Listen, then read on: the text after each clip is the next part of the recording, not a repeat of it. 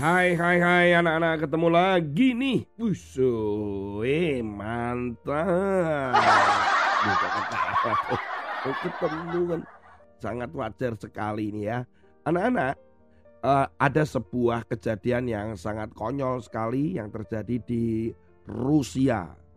Yaitu ketika sebuah lukisan yang bernama Tiga Sosok. Lukisan ini dinamakan lukisan tiga sosok.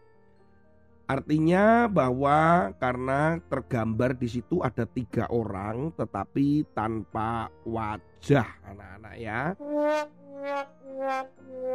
Lukisan tiga sosok ini dibuat pada tahun 1932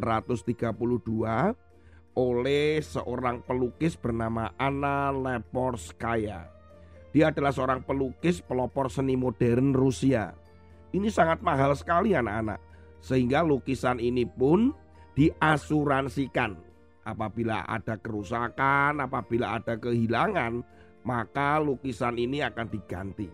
Sampai diasuransikan itu 740 ribu pound sterling atau sekitar 14,35 miliar rupiah. Beberapa waktu yang lalu lukisan tiga tokoh ini yang semula memang berada di galeri Trestiakov dipinjam oleh galeri seni Yeltsin di kota Ekaterinburg, Rusia. Untuk dipamerkan gitu maksudnya anak-anak.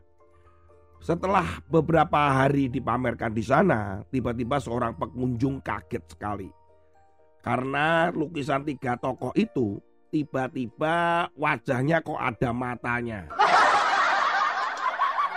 Ya kan seharusnya kan lukisan ini tidak boleh ada mata wong memang lukisannya itu adalah wajah tanpa mata, hidung dan mulut. Nah, tapi ternyata tiba-tiba hari itu dilihat oleh pengunjung ada matanya loh anak-anak. Artinya ada orang yang pasti menggambar mata di lukisan itu. Usut punya usut. Setelah diselidiki Ternyata petugas keamanan di galeri itulah yang menjadi pelakunya anak-anak. Waduh, akhirnya ditanya, kenapa kamu menggambar mata di lukisan itu? Dia mengatakan karena dia bosan, kemudian iseng-iseng mengeluarkan ballpoint, kemudian menggambar mata di lukisan itu. Ada-ada aja, ada-ada aja iseng-iseng tetapi harus dibayar mahal. Karena untuk memperbaiki lukisan itu diperlukan 2.400 pound sterling atau sekitar 46,53 juta rupiah.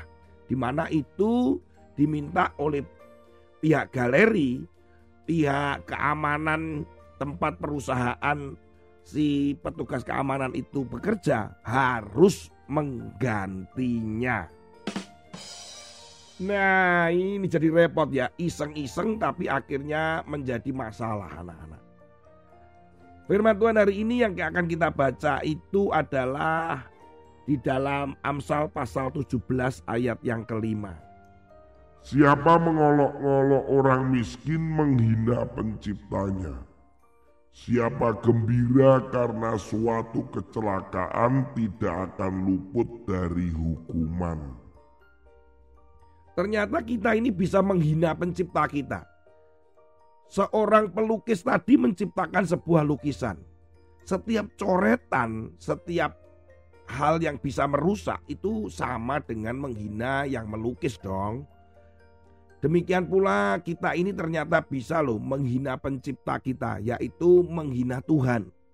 Dengan cara apa? Ayat hari ini yang kita baca sama-sama jelas bahwa kita bisa menghina Tuhan itu ketika kita mengolok-olok orang miskin. Kalau ada orang miskin di sekitar kita, ada pemulung, ada orang-orang yang tinggal di pinggir jalan atau mungkin di kolong jembatan, mereka-mereka yang serba kekurangan. Kalau kita sampai mengolok-ngolok mereka itu sama, sama loh.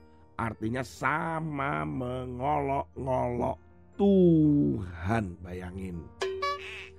Kalau kita akhirnya juga menjadikan mereka bahan olokan itu benar-benar kita juga sedang menghina Tuhan. Apakah kalian pernah melakukan itu? Kita nggak boleh mengolok-olok mereka yang miskin. Malah yang miskin-miskin, yang kekurangan, yang lemah. Itu yang harus kita tolong. Yang itu yang harus kita perhatikan.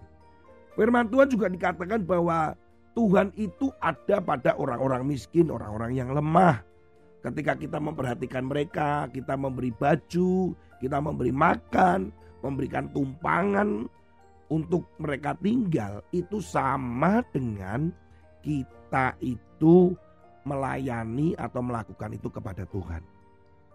Hal yang lain adalah kalau kita ada kecelakaan terus kemudian kita senang tertawa-tawa, ada kecelakaan di jalan, ada orang yang sedang mengalami duka, itu juga dikatakan bahwa kita tidak luput dari yang namanya hukuman. Artinya apa? Ya apa yang kita tabur kita tuai karena kita mengolok-olok mereka. Nah anak-anak Kak Tony percaya kalian bukanlah anak-anak yang suka mengolok-olok orang miskin, atau kemudian gembira karena sebuah kecelakaan atau duka yang dialami orang lain. Kalian adalah anak-anak yang suka menolong, yang suka membantu, menghibur, bahkan kalian juga adalah anak-anak yang rela untuk mendoakan mereka. Jadi, kalian bukan menghina Tuhan, kalian semua adalah membuat Sang Pencipta atau Tuhan selalu tersenyum dan senang selalu.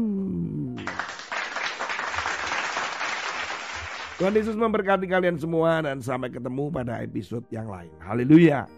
Amin.